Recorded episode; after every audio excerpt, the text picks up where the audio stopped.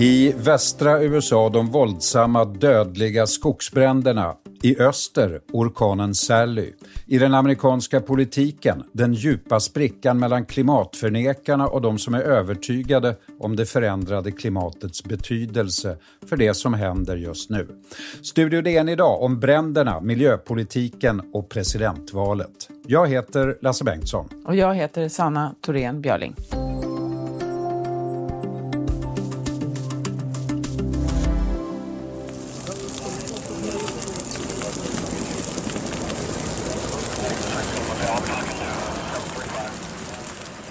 Det otäcka ljudet av bränderna i västra USA. Ja, Sanna, eh, bara som ett mycket konkret exempel på brändernas effekt just nu. Jag har en app som heter Air Visual. Den visar något som heter Air Quality Index, alltså luftkvalitetsindex. En skala 0 till 500. Den mäter partiklar av svaveldioxid, kvävedioxid och andra partiklar, ozon och kolmonoxid och svavelföroreningar. Upp till 50 är godkänt. Stockholm just nu ungefär 30, Delhi och Peking som värst runt 500. Mammoth Lakes, Kalifornien just nu index 1650. Alltså långt bortom skalan. Det är ofattbart det som händer, Sanna. Det är helt ofattbart. Det är ju enorma eh, områden här som har brunnit upp, eller som brinner fortfarande. Eh, man pratar om 1,8 miljoner hektar. Det är svårt att eh, föreställa sig hur stort det är. Nästan 17 000 brandmän som är ute och jobbar till 25 stora bränder just nu, eh, i alla fall, minst. Och till, till och med såg jag, alltså över Washington DC, där du har bott på östkusten, är luften sämre på grund av bränderna. De syns till och med. Ja, man ser att det är disigt där, eh, att solen inte är så klar som vanligt. Om man märker av den här luftföroreningen. Det är ju enorma avstånd. Man ska komma ihåg att USA är väldigt stort. Det tar ju fyra, fem, fem timmar att flyga tvärs över. Den här senaste perioden sen har ju varit helt extrem. Hettan i augusti 54,4 grader i Death Valley eh, gjorde bland annat då den här hettan totalt att användandet av luftkonditionering fick Kaliforniens elnät att bryta ihop. Eh, och 53 dagar i följd av 43-gradig hetta eller mer i Phoenix, Arizona. Jag var i kontakt med några personer som bor i, eh, i Kalifornien nu i, igår och de beskriver ju en ganska en klaustrofobisk känsla, framförallt orsakad av den här röken, hettan mm. och röken. Att det är kvavt, men man kan inte heller stänga fönstren, utan man måste ha öppet. Eh, och eh, där, där de här bodde, som, som jag pratade med, de, där hade de inte luftkonditionering, därför att de bor på platser som normalt sett är ganska svala där, ganska nära kusten. Eh, det här var eh, i Big Sur mellan Los Angeles och San Francisco är några som befinner sig som jag känner och där eh, har man börjat så smått flytta tillbaka. Det värsta är över och det har ju mycket med vindarna att göra. Att man börjar få kontroll på de här bränderna men man har ju inte eh, blåst faran över helt och hållet. Det räcker ju med att det blås, börjar blåsa åt ett annat håll. Ja, eh, andra som är i San Francisco eh, har också beskrivit det här som det värsta på flera år. Och då ska man komma ihåg, tycker jag, att i Kalifornien är de ju vana vid bränder. Det har ju alltid brunnit. Men inte på det här sättet. Nej, den här röken, alltså det, det är eh, 1650, alltså det här ändras ju naturligtvis hela tiden, men att det är på de här nivåerna runt 1000 och över det, det är, det är ju dödliga nivåer att andas in. Det är, det är ju livsfarligt att gå ut. Jag hör också att det finns de som beskriver just frågan om information här, när man sitter där ganska isolerad och man kanske vet att man ska eventuellt måste evakueras, men att det är lite svårt att veta vad, exakt vad man ska tro på. Jag vet några som eh, beskriver hur de nästan slutar titta på nyheterna, som också bara väljer ut det allra mest dramatiska som vi journalister ju ofta gör. Mm. Och, eh, eh så att det blir nästan eh, apokalyptiskt, eh, samtidigt som det förstås är väldigt allvarligt, men att de, det, det är väldigt många olika teorier också som figurerar. Du har ju själv, eh, Sanna, gjort reportage i de här krokarna, miljöanknutna reportage. Är det någonting särskilt som, som du tänker på just nu i anslutning till de här bränderna? Alltså det här är ju en, en, någonting som har pågått länge. Dels har ju eh, bränderna blivit längre, den här säsongen har ju blivit längre och mer utdragen. Men tork, de långa torkeperioderna i Kalifornien har ju pågått eh, också under lång tid. Den, jag gjorde reportage om torkan flera gånger och eh, den, just den torkeperioden gick så småningom över och det började regna. Men det var ju en katastrof för väldigt många där. Gjorde också, eh, och jag tror att det, det visar också undersökningar som att eh, allt fler amerikaner känner av klimatförändringarna i sin vardag. Man, man kan se olika, det är olika typer av industrier. Vinodlingen är ju eh, ett sådant exempel från Kalifornien som jag skrev om. Mm. Ja, hur, hur, drabba, hur drabbas den just nu till exempel? Ja, just nu så är, ju den också förstås under i, i stor kris. Den, och de har ju redan blivit väldigt påverkade av klimatförändringarna med andra typer av druvor och det är färre frostnätter, de har mer skadedjur och eh, vinet blir annorlunda. Det är ju eh, på marginalen nu. Nu ser vi ju människor, nu är det ju människor som, som dör och som brinner upp i rena, ren, ren katastrof. Det är alltså en femårig torka vi talar om eh, här, inte sant Sanna? Ja, precis. Beroende på hur man räknar. Det är, det är ju eh, vattensystem som hänger ihop, eh, som ju börjar långt upp, eh, norrup. Eh, och sen så räcker det med att det regnar lite grann och så kanske man kommer ut den mest dramatiska torkan.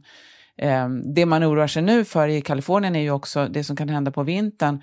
När regnen väl kommer tillbaka så, oro, så kan man ju få enorma jordskred. Så att även när bränderna har passerat, det gör de väl förhoppningsvis förr eller senare, så får man nya eh, klimat eh, naturfenomen som är väldigt problematiska. När vi kommer tillbaka så ska vi tala om vad det här innebär, att man faktiskt nu till och med börjar tala om klimatflyktingar i USA.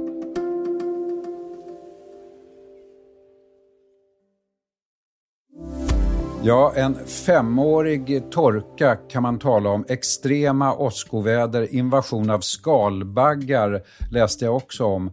Och eh, man börjar alltså, Sanna, eh, tala om klimatflyktingar i USA.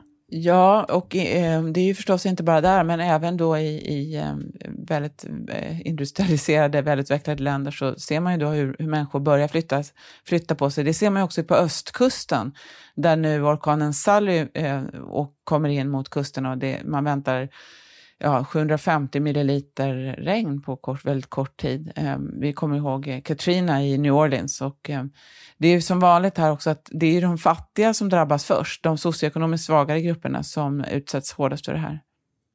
Jag såg en eh, siffra, en eh, utredning eller en, en studie i alla fall att eh, ungefär 162 miljoner människor i USA, en av, alltså hälften ungefär, kommer sannolikt att uppleva en försämring av livskvaliteten, alltså mer hetta och mindre vatten som kan vara ett incitament till att flytta. Mm. Verkligen, det, det kommer påverka lång tid framöver. Efter att ha varit tyst ganska länge om bränderna så besökte president Trump eh, Kalifornien i början av veckan och mötte delstatens högsta politiker. If we ignore that science and sort of put our head in the sand and think it's all about vegetation management, we're not going to succeed together protecting Californians. Okay. It'll start getting cooler. I you wish just you just watch. I wish science agreed with you. well, I don't think science knows actually.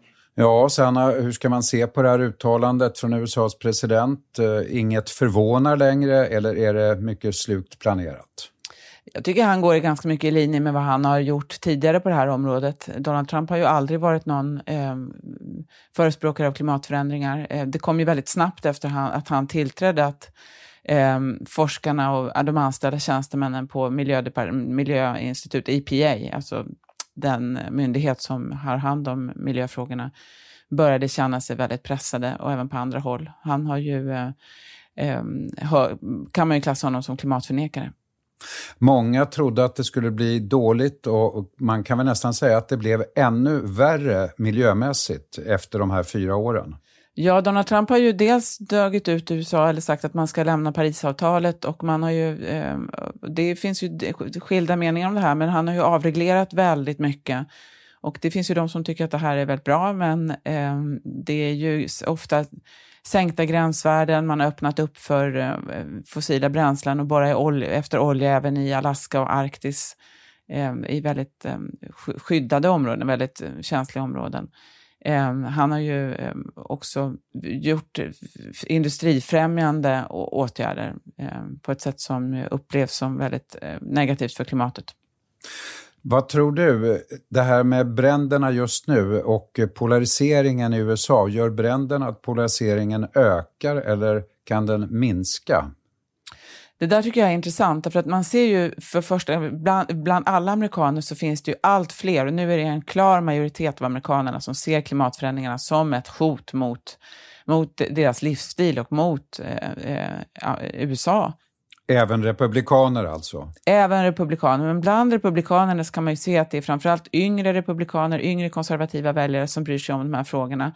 Eh, sen kan man se ganska tydliga skillnader mellan olika typer av republikaner, där de mer mittenrepublikanerna är, är mera förespråkare för fler åtgärder som, är klimat, som verkar mot klimatförändringarna, medan de, eh, de republikaner som står väldigt långt åt höger är väldigt mycket mer skeptiska. Sen tycker jag man ska komma ihåg här att det finns tydliga andra skillnader. Eh, det är eh, nästan 80 procent av, eller mer än så, eh, av demokratiska väljare, jag tror att det är 85 procent, som som ser att det är människan som är orsak till klimatförändringarna, medan det är bara 22 procent av republikanerna som, som tror att människan är, är har orsakat det här. Eh, man har ju också väldigt stora skillnader i vad man, även om folk är, är för program att man ska plantera eh, tusen miljarder nya träd, så, ehm, så är det betydligt mer, kommer man ner på mer känsliga saker som har mer med pengar och investeringar att göra, så finns det ju stora skillnader i vad man tycker att staten bör göra och vad marknaden ska ta hand om. Ja, staten kontra marknaden, jag, jag förstår det. Eh, om vi nu går över på Biden-sidan då. Han sa ju faktiskt inte så oerhört mycket om klimatet under den tidiga valkampanjen, inte sant? Nej, men nu har han kommit ut och det har ju, han har ju också skärpt sina, eh, sitt klimatprogram. Eh, det, det, hans eget program för klimatet som han tog fram i början fick ganska låg, fick mycket kritik från vänsterliberala eh, demokrater och, eh, och eh, det ledde till att han och arbetade om det här tillsammans med olika fokusgrupper och arbetsgrupper eh, som eh, la fram en, en ny och mycket mer ambitiös klimatstrategi. Det är också för att fånga in det här stora intresset som man ju också ser att det finns hos väljarna. Nu säger Biden så här. If we have four more years of Trump's climate denial, how many suburbs will be burned in wildfires? How many suburban neighborhoods will have been flooded out?